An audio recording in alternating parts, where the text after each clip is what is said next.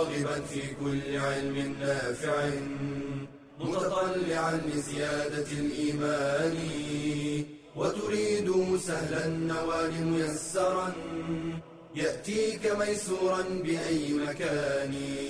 زاد زاد أكاديمية ينبوعها صاف صاف ليروي غلة الظمآن. هذه عقيدتنا الصحيحة فطرة تنفي الشكوك بواضح البرهان بشرى لنا زاد أكاديمية للعلم كالأزهار في البستان السلام عليكم ورحمة الله وبركاته. الحمد لله رب العالمين والصلاة والسلام على أشرف المرسلين محمد وعلى آله وصحبه أجمعين. اللهم إنا نسألك علما نافعا عملا صالحا وقلبا خاشعا ولسانا ذاكرا اللهم علمنا ما ينفعنا وانفعنا بما علمتنا واجعله حجة لنا ولا تجعله حجة علينا يا رب العالمين.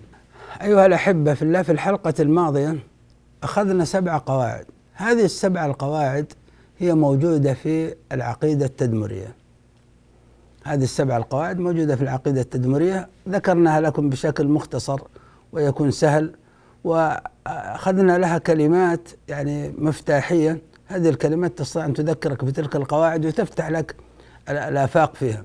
خبر من الله على ظاهره بلا تمثيل وتنزيه ومعنى وعقل. آه خبر هذه القاعدة الأولى. من الله هذه القاعدة الثانية على ظاهره هذه القاعدة الثالثة آه بلا تمثيل هذه القاعدة الرابعة بمعنى هذه القاعدة الخامسة وتنزيه هذه القاعدة السادسة وعقل هذه القاعدة السابعة. هذه القاعدة السبعة الموجودة في التدمرية. يعني إذا أراد شخص أن يتوسع وأن يعني يأخذ التفصيلات موجودة في هذه. واليوم أيضا يعني سنأخذ يعني بعض أمور أو بعض أصول هي مأخوذة أيضا من العقيدة التدمرية. سنأخذ ثلاثة أمور في هذه الحلقة. الأمر الأول إيضاح حقيقة التشابه بين أسماء الله وصفاته وبين أسماء المخلوق وصفاته. نحن قد مررنا عليها من قبل لكن هنا نريد التأكيد عليها.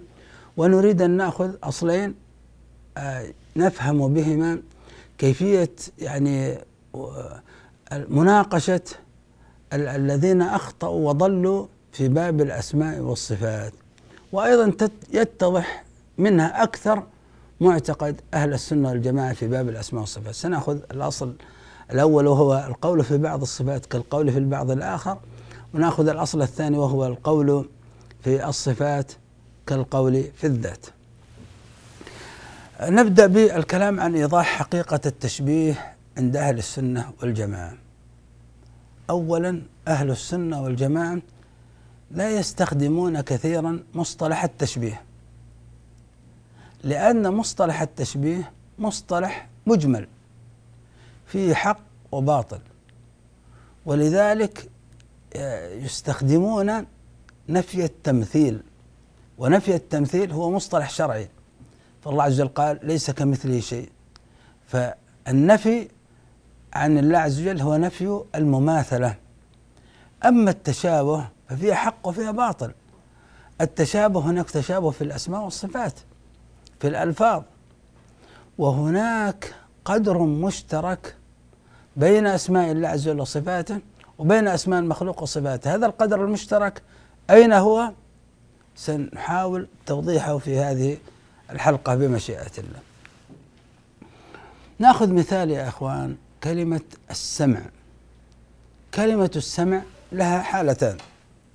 حالة الأولى حالة الإطلاق السمع. إطلاق عن ماذا؟ عن التقييد والإضافة والتخصيص. تأتي مطلقة مقطوعة عن أي إضافة أو عن أي تقييد أو عن أي تخصيص وإنما تذكر السمع. هنا ما معنى السمع؟ السمع هنا معناها بالمعنى العام إدراك المسموعات. هذه تسمى لفظة ماذا؟ لفظة كلية آه، مطلقة غير آه، مقطوعة عن التقييد والتخصيص والإضافة. كلمة السمع معناها إدراك المسموعات. هذه الحالة الأولى لكلمة السمع. الحالة الثانية أن تأتي مقيدة أن تأتي مضافة. تأتي مخصصة فيقال مثلا سمع الله أو يقال سمع المخلوق. فهنا مضافة مقيدة مخصصة. هنا السمع له معنى. هناك أخذنا السمع إدراك المسموعات. لما أضفنا وقلنا مثلا سمع الشاب سمع الطاعن في السن سمع آه، مخلوق من المخلوقات حيوان من الحيوانات مثلا. سمع النملة سمع مثلا آه، الفيل سمع كذا. أخذنا مخلوق من المخلوقات وهو يسمع فأضفنا إليه السمع. هنا عند الإضافة والتقييد والتخصيص يصبح إدراك المسموعات على ما يليق بذلك المضاف إليه. إنسان طاعم في السن عمره 120 سنة. سمعه يكاد يسمع كلام الشخص. لا بد أن تصرخ بأعلى صوتك حتى يسمع كلامك. وهناك سمع إنسان شاب في قوة وفي عافية يسمع الكلمة من مرة واحدة في في مجلس في غرفة يسمع ذلك. آه، فهنا سمع الشاب على ما يليق به وهناك سمع الطاعم في السن على ما يليق به. فعند الإضافة والتقييد والتخصيص يكون ذلك السمع على ما يليق بذلك المضاف إليه. بذلك المضاف إليه. سمع بعض الحشرات قوي آه، سمع بعض البهائم قوي قد ترى وقد تسمع أكثر من سمع المخلوق آه، سمع الإنسان وهكذا. هذا يسمى إضافة وتقييد وتخصيص. إذا كان هذا مخلوق وهذا مخلوق وهناك تفاوت بينهما فقلنا سمع الطاعن في السن على ما يليق به وسمع الإنسان الشاب على ما يليق به. هناك وهو مخلوق ومخلوق فعندما نضيف السمع إلى الله والسمع إلى المخلوق فلا بد أن نستحضر هذا الأمر. فنقول سمع الله إذا فهو سمع على ما يليق بالله وسمع المخلوق على ما يليق بالمخلوق. ولما كانت ذات الله لا تماثل سائر الذوات لا, لا تماثل ذات الإنسان فكان سمع الله على ما يليق بالله وسمع المخلوق على ما يليق بالمخلوق وليس هناك مماثلة بين سمع الله وسمع المخلوق ليس هناك مماثلة. لكن في شيء مهم ما هو القدر المشترك بين سمع الله وسمع المخلوق. أين التشابه؟ التشابه في اللفظة سمع سمع. لكن ليس هو مقصور على اللفظ فحسب بل هناك شيء زائد على هذا اللفظ وهو القدر المشترك في المعنى الكلي. ما هو المعنى الكلي من السمع حال القطع عن الإضافة والتقييد والتخصيص؟ هو إدراك المسموعات. فنقول هنا الله يدرك المسموعات والمخلوق يدرك المسموعات. لكن سمع الله للمسموعات على ما يليق به. لا يخفى عليه صوت ولا تختلط عليه الأصوات. جل جلاله الكل يناجيه في كل وقت وهو يسمع كلام كل من ناجاه. سبحانه وتعالى الكل يدعوه والله يسمع دعاءهم وكل يدعوه بلغته وبلهجته والله يسمع كلامهم جل جلاله. لا تختلط عليه الأصوات سبحانه وتعالى ولا تختلف عليه اللهجات. فإدراك الله عز وجل للمسموعات على ما يليق به وإدراك الإنسان للمسموعات على ما يليق به.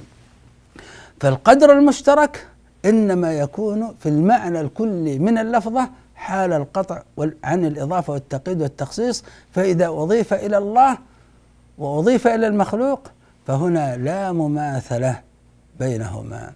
نأخذ فاصل ثم نعود إليكم مرة أخرى.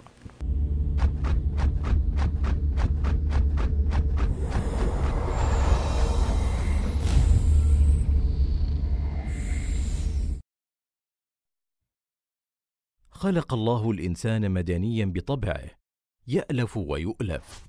وتكون العلاقات بين الناس يترتب عليه تأثير بعضهم ببعض. لذا قالوا الصاحب ساحب ومن جالس جانس وصار من جنس صاحبه. وقديما قال الشاعر عن المرء لا تسأل وسل عن قرينه فكل قرين بالمقارن يقتدي. وكثيرا ما يدور في أذهان المربين المخلصين مجموعة من الأسئلة المتعلقة بأصدقاء الولد. مع من يمشي يا ترى من هو صاحبه؟ من هو جليسه؟ ماذا يفعلون الآن؟ في أي شيء يشتركون؟ فقد ينشأ الولد بارا طائعا حسن الخلق فينقلب على إثر الصحبة والعلاقات عاقا عاصيا. سيء الطبع فاحش اللسان. لذا كان لزاما على المربي أن يتفحص علاقات أبنائه وبناته وألا يغفل عنها بحال. وأن يؤسس في نفوس أولاده معنى العلاقة وعلى أي أساس تقوم وكيف يختارون أصدقاءهم. فليست القضية مجرد إلف وصحبة وإنما قضية دين وإيمان. عليها تنعقد المصائر يوم القيامة. فكل العلاقات والصداقات والزمالات الناشئة في الدنيا ستنقلب عداوة في الآخرة. إلا ما كان منها مبنيا على تقوى من الله ورضوان. قال تعالى الأخلاء يومئذ بعضهم لبعض عدو إلا المتقين فإذا رأى المربي صحبة خير دل عليها وشجعها ورعاها ودفعها إلى الطاعة.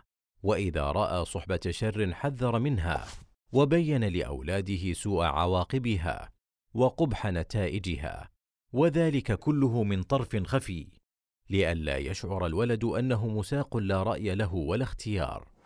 فإذا لاحظ المربي اتجاه الأبناء والبنات نحو تكوين الصداقات عبر وسائل التواصل الحديثة فمن الحسن توجيه هذه العلاقات للدعوة إلى الله والتواصي بالحق والصبر والتزود من المعرفة واكتساب المهارات الجميلة ونشر العلم النافع كرفع مقال جميل وتشجيع كاتب متميز وغير ذلك فإن من دل على خير فله مثل أجر فاعله.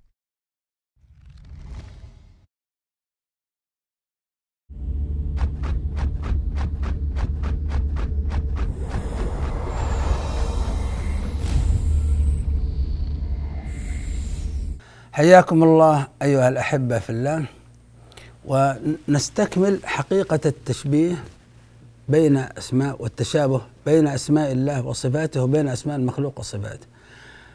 التشبيه الذي هو بمعنى التمثيل التشابه فيما يجب ويجوز ويمتنع فنقول يجب لأحدهما ما يجب على الآخر يجوز على أحدهما يجب لأحدهما ما يجب للآخر. يجوز على أحدهما ما يجوز على الآخر. يمتنع على أحدهما ما يمتنع على الآخر. لا هذا يسمى التمثيل وهذا التمثيل باطل هذا التمثيل كفر. أما التشابه في اللفظة نفسها سمع وسمع التشابه في اللفظة والتشابه في المعنى الكلي الإنسان يعرف المعنى الكلي من هذه اللفظة ويفهم من خلال المعنى الكلي ما معاني أسماء الله عز وجل وصفاته هذا الأمر ثابت. فالتشابه في الألفاظ وفي المعنى الكلي من اللفظة حال القطع عن الإضافة والتقييد والتخصيص هذا التشابه نثبته. ولولا وجود هذا التشابه ما عرفنا شيئا من أسماء الله عز وجل وصفاته.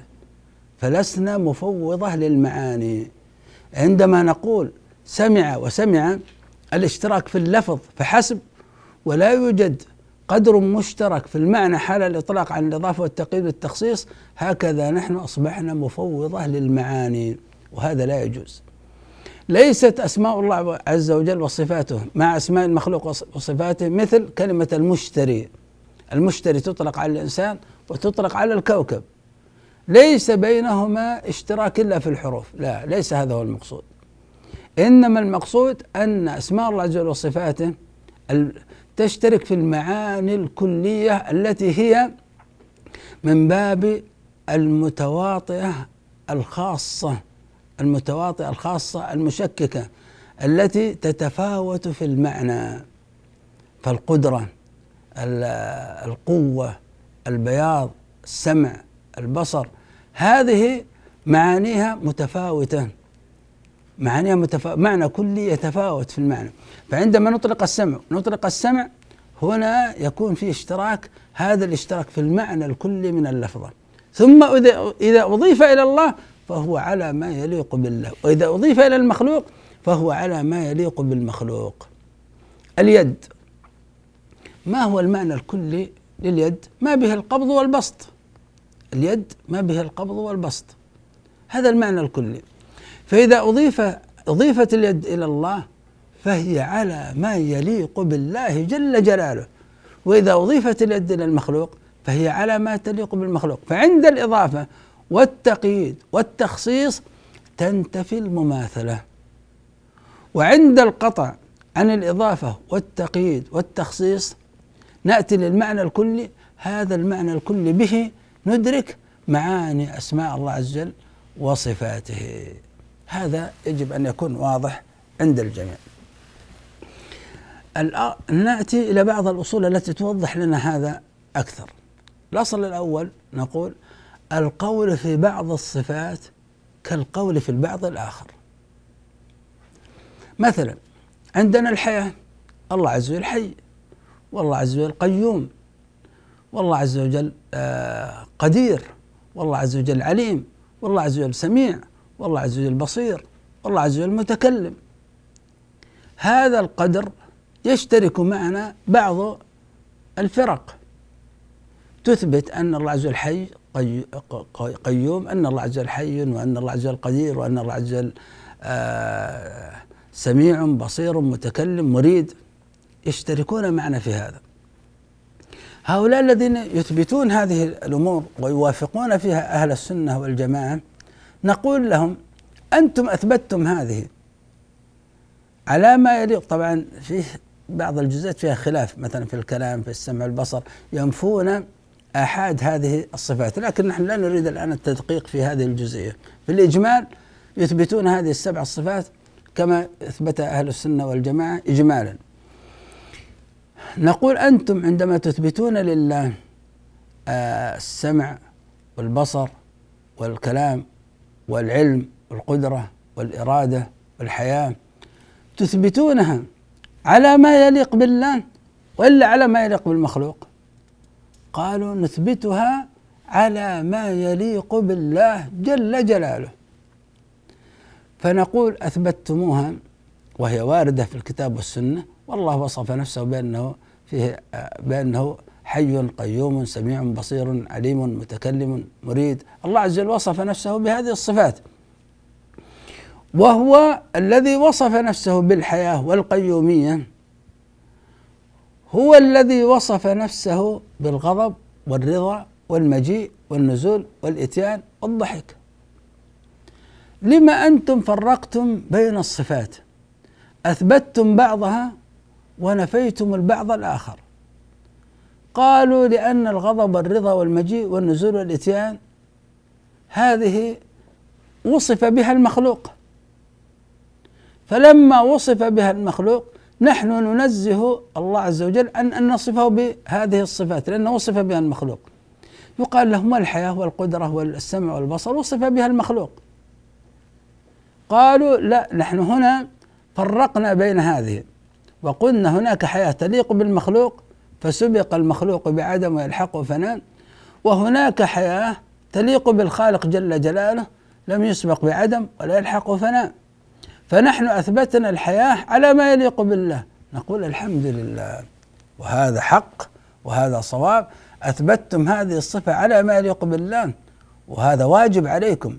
وهذا هو الإيمان. وهذا هو الصواب.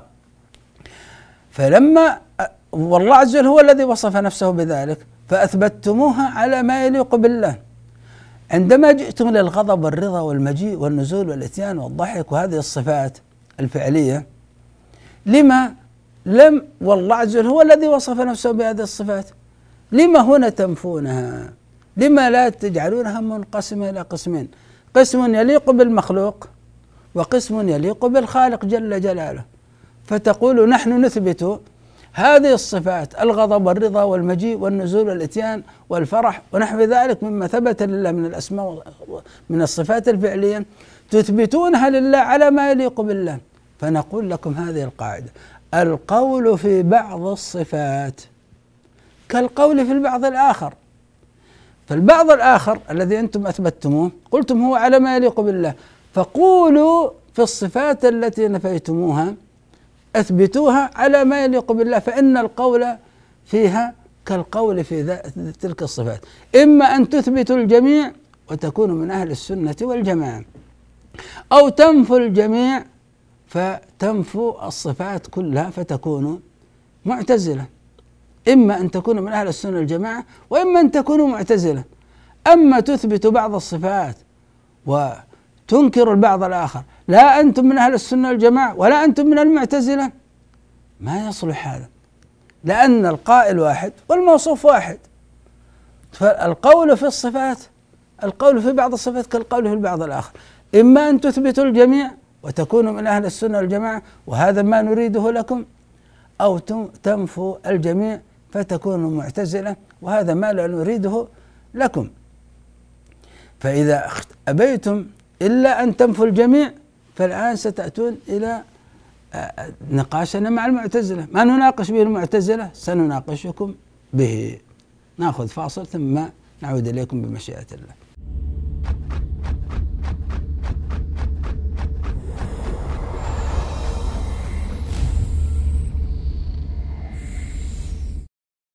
القرآن كنز عامر بالفضائل والخيرات.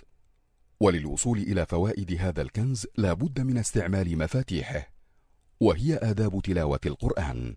فمنها إخلاص النية لله تعالى. فقد أخبر النبي صلى الله عليه وسلم أن من أوائل من تسعر بهم النار يوم القيامة قارئ للقرآن. يقال له قرأت القرآن ليقال هو قارئ. ومنها التسوك والتطهر من الحدث الأصغر واستقبال القبلة. وعند البدء بالتلاوة يستعيذ بالله من الشيطان. فإذا قرأت القرآن فاستعذ بالله من الشيطان الرجيم. ويرتل القرآن بتمهل وتبيين للحروف. وكان ابن عباس يقول لأن أقرأ سورة أرتلها أحب إلي من أن أقرأ القرآن كله. ويستحب تحسين الصوت بالقرآن. قال النبي صلى الله عليه وسلم زينوا القرآن بأصواتكم.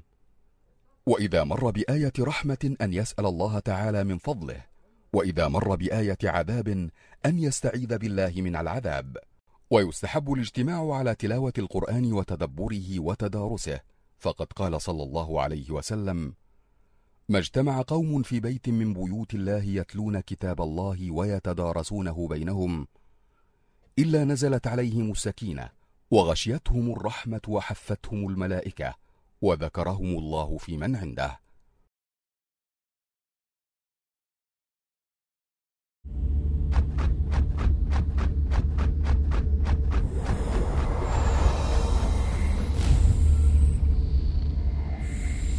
حياكم الله أيها الأحبة.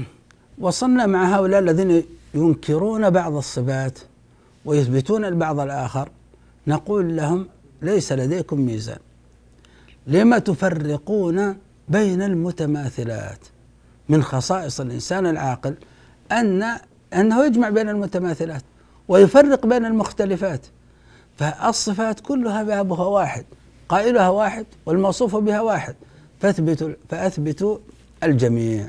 القول في بعض الصفات كالقول في البعض الآخر. فإن أبوا إلا أن ينتقلوا إلى صف المعتزلة فنقول لهم والمعتزلة أثبتوا الأسماء وأنكروا الصفات. فأثبتوا أن الله حي عليم قدير وأنكروا الحياة والعلم والقدرة والإرادة. هذا مذهب مرجئ. هذا مذهب شنيع. فنقول لهم لماذا فعلتم ذلك؟ القول في الصفات كالقول في الأسماء. أنتم أثبتتم أن الله سبحانه وتعالى حي عليم قدير. أثبتتم هذه الأسماء لله. وقلتم هذه الأسماء على ما يليق بالله. ففرقتم في الأسماء وجعلتموها على قسمين قسم يليق بالمخلوق وقسم يليق بالخالق. وأثبتتم هذه الأسماء على ما يليق بالخالق جل جلاله. فيقال لكم وكذلك هذه الصفات الواردة في الكتاب والسنة تنقسم إلى قسمين. قسم يليق بالخالق وقسم يليق بالمخلوق. فأثبتوا هذه الصفات على ما يليق بالخالق. فالقول في الصفات كالقول في الأسماء. فإما أن تثبتوا الجميع وتعودوا إلى منهج أهل السنة والجماعة وهذا ما نريده لكم. أو تنكروا الجميع وتذهبوا إلى مذهب الجهمية وهو مذهب أردى من مذهبكم السابق. فتنفوا الأسماء والصفات الثابتة في الكتاب والسنة جميعها عن الله سبحانه وتعالى. وهذا مذهب الجهمية الذين سيصل بهم الأمر إلى أن يعبدوا عدما يعبدوا لا شيء. ولا نريد لكم أن تذهبوا إلى ذلك المذهب وإنما أن تعودوا إلى مذهب أهل السنة والجماعة. إذا انتهينا من الأصل الأول القول في بعض الصفات كالقول في البعض الآخر ومنه القول في الصفات كالقول في الأسماء. ننتقل إلى أصل ثاني أيضا كذلك وهو القول في الصفات كالقول في الذات. هنا الآن سننتقل إلى مناقشة الجهميه ويعني وجميع الفرق الذين يثبتون وجود الله. أنت تثبت أن الله سبحانه وتعالى موجود وأن لله سبحانه وتعالى ذات حقيقية تثبت ذلك؟ طيب هل ذات الله حقيقة الله كحقيقة المخلوقين؟ قال أعوذ بالله لا يمكن ذلك. فذات الله لم تسبق بعدم ولا الحق فنان.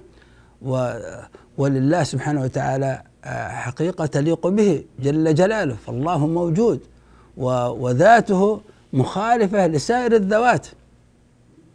آه إذا ممتاز. طيب نأتي والإنسان المخلوق له ذات لكن هذه الذات مسبوقة بعدم الحق وفناء فذات الله تفرق أنت بين ذات الله وبين ذات المخلوق.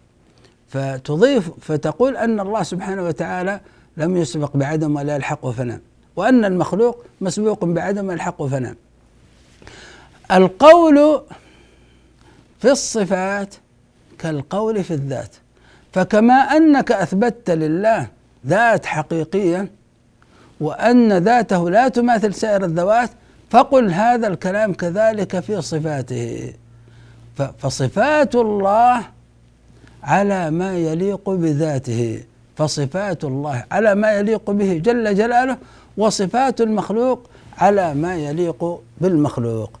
فإما أن تثبت الجميع الذات والصفات لله على ما يليق به أو تنكر عياذا بالله وجود الله فتقول أنا لا أثبت أن الله سبحانه وتعالى موجود. وقل هذا الأمر وصرح به وهذا هو حقيقة قول الملاحدة من الفلاسفة الباطنيين الذين يصل بهم الأمر أن يقولوا أن الله عز وجل ليس بموجود. تقول لهم معدوم؟ قال وليس بمعدوم. فهؤلاء خلاص يذهبون إلى السفسطة ويذهبون إلى أشياء أخرى وهم في حقيقة أمرهم يظهرون الرفض ويبطنون الكفر المحض. أولئك انتهينا منهم. أولئك يعني ينكرون وجود الله سبحانه وتعالى أولئك ملاحدة. فهؤلاء الجهمية يعني إما طالما أنهم يثبتون وجود الله ويقولون نحن نثبت أن الله عز وجل موجود بل بعض الصفات التي يعني هم يقولون لا يمكن أن تطلق على المخلوق مثل القدرة لكونهم جبرية.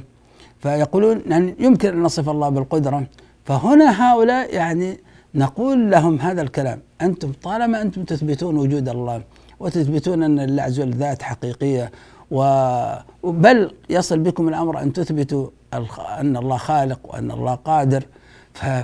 فقولوا آه، في بقية صفات الله سبحانه وتعالى وفي بقية أسماء الله عز وجل وصفاته أسماء الله عز وجل وصفاته ما تقولون في في ذاته قولوه في في أسماء الله عز وجل وصفاته. فالقول في الأسماء والصفات كالقول في الذات لأنه باب واحد. لا بد أن تجمعوا بين هذه المتماثلات وأن تفرقوا بين المختلفات. أيها الأحبة في الله هذه القواعد فهمنا لحقيقة التشبيه والقدر المشترك بين أسماء الله عز وجل وصفاته وبين أسماء المخلوق وصفاته وفهمنا لهذا الأصل القول في بعض الصفات كالقول في البعض الآخر القول في الصفات كالقول في الذات وأيضا فهمنا لقضية آه، التفاوت بين مخلوق ومخلوق مثلا نعيم الجنة ونعيم الدنيا. نفهم أن آه، ليس بينهما اشتراك إلا في الألفاظ والمعنى الكلي أما نعيم الجنة فمختلف يعني ومتفاوت تفاوتا عظيما بينه وبين نعيم الدنيا. فإذا كان هذا مخلوق وهذا مخلوق وبينهما هذا التفاوت العظيم فالتفاوت بين الخالق والمخلوق في الأسماء والصفات من باب أولى. إذا كانت الروح التي فينا تصعد وتنزل وتجيء نصفها بهذه الصفات والإنسان بدنه يوصف بهذا أنه يصعد وينزل ويجيء وهو مخلوق ومخلوق في إنسان واحد في, في, في شخص واحد ومع هذا نزول وصعود والروح ونزول وصعود البدن بينهما من التفاوت الشيء العظيم وهذا مخلوق وهذا مخلوق. فالتفاوت بين أسماء الله عز وجل وصفاته وبين أسماء وصفات المخلوق التفاوت من باب أولى من باب أولى. لا يمكن لأن هذا خالق وهذا مخلوق. أيها الأحبة في الله إن باب الأسماء والصفات ومعرفتنا يعني معاني أسماء الله عز وجل وصفاته هذا الباب من أعظم الأبواب التي يتربى الإنسان من خلالها. هذا الباب باب يقوي الإيمان باب يزيد اليقين لكننا للأسف بسبب هؤلاء المبتدعة يعني يحتاج الإنسان في بعض الأحيان لبعض مثل يعني هذه المناقشات.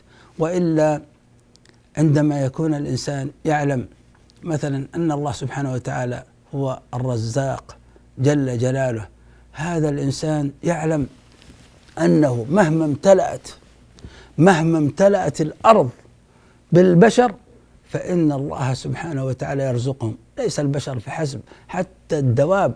قال الله عز وجل وما من دابة في الأرض إلا على الله رزقها ويعلم مستقرها ومستودعها. وكأي من دابة لا تحمل رزقها الله يرزقها وإياكم. هذا الذي يعرف هذه الصفة هذا الاسم من أسماء الله عز وجل الرازق والرزاق ويعرف أن الله عز وجل موصوف بصفة الرزق. هذا الإنسان هل يخاف على رزقه؟ هل يخاف في هذه الحياة؟ لا. لكنه يجمع صفات أخرى صفة الحكمة. وأن الله عز وجل من حكمته أن من سعى وتحرك فإن الله سبحانه وتعالى يرزقه. والذي يسعى ويتحرك الله سبحانه وتعالى يفتح له أشياء لم تخطر على باله، الله سبحانه وتعالى يعينه، الله عز وجل وهكذا يعني من حكمة الله أن جعل لكل شيء سبب يعرف ذلك. ويعرف أن الله سبحانه وتعالى موصوف بصفة القدرة وأنه قد يأتي بالشيء من غير سببه وأنه يعني الله سبحانه وتعالى قد يمنع عن هذا السبب خاصيته فلا, فلا يعني ينتج. فيعلم أن الله سبحانه وتعالى يعني فيه صفة القدرة. وبالتالي فإنه يتعامل مع هذه الأسباب والسعي والحركة يتعامل معها ببدنه. وأما قلبه فمعلق بالله سبحانه وتعالى يعرف هذه الصفة صفة الرزق صفة الحكمة صفة القدرة. فيعرف كيف يعني يعيش في هذه الحياة ويعرف ربه سبحانه وتعالى. ولذلك حياته حياة سعيدة. هذا الذي يعرف أسماء الله سبحانه وتعالى وصفاته. أسأل الله سبحانه وتعالى بأسمائه الحسنى وصفاته العلى أن يجعلنا جميعا من العالمين به سبحانه وتعالى العارفين بأسمائه وصفاته المتربين من خلالها. وصلى الله وسلم وبارك على عبده ورسوله محمد. وجزاكم الله خيرا. وإلى اللقاء في حلقة قادمة بمشيئة الله. يا راغبا في كل علم نافع. متطلعا لزيادة الإيمان وتريد سهلا النوال ميسرا يأتيك ميسورا بأي مكان. زاد زاد أكاديمية ينبوعها صاف صاف ليروي غلة الظمآن.